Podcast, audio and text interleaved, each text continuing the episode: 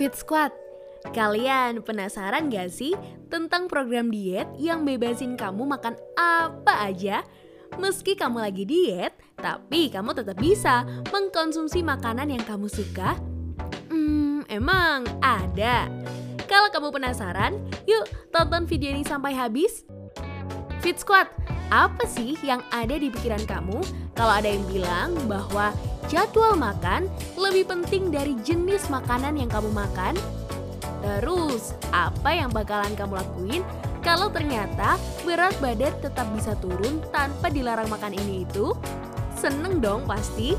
Penasaran? Yuk kita bahas! Fit Squad, kalian pernah denger nggak intermittent fasting?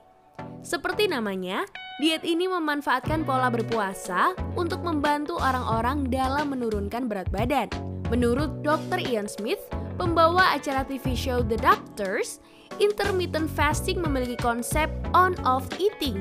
Artinya, kamu memiliki dua waktu yang harus dijalankan. Waktu untuk makan dan waktu untuk puasa atau dikenal juga dengan nama eating window dan fasting window. Kedua waktu ini harus ada pembeda.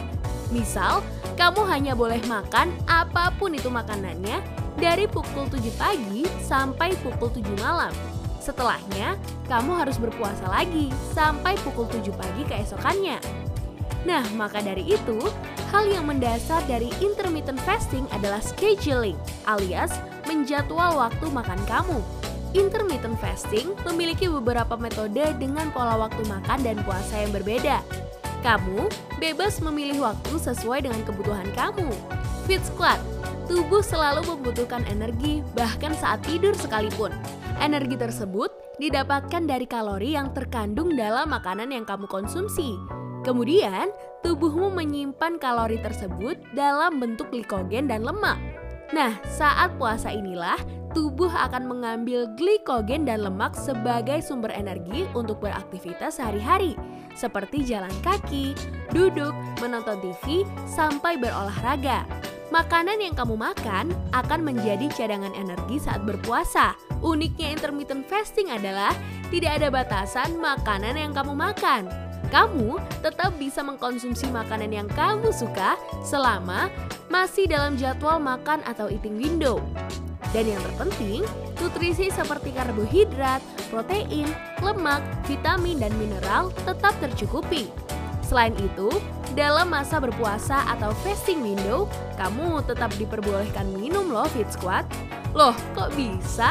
Ini bertujuan agar tubuh tetap terhidrasi dan membantu proses metabolisme tubuh berjalan dengan baik.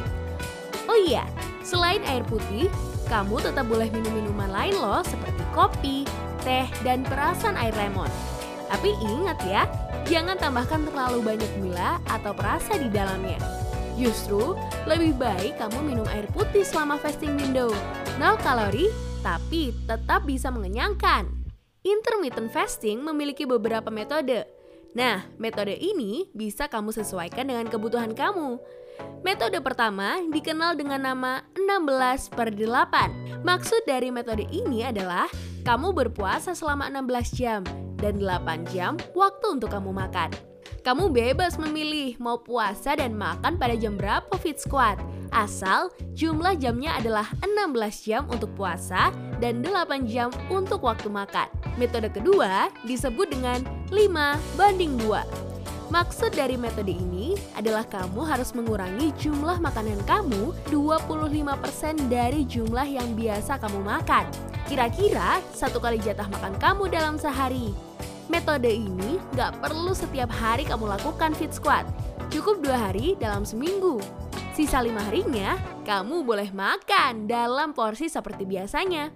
Nah, metode yang ketiga disebut eat, stop, eat.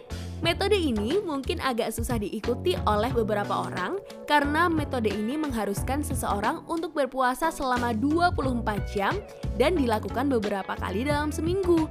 Misalnya nih, kamu mulai berpuasa pukul 7 malam di hari Selasa.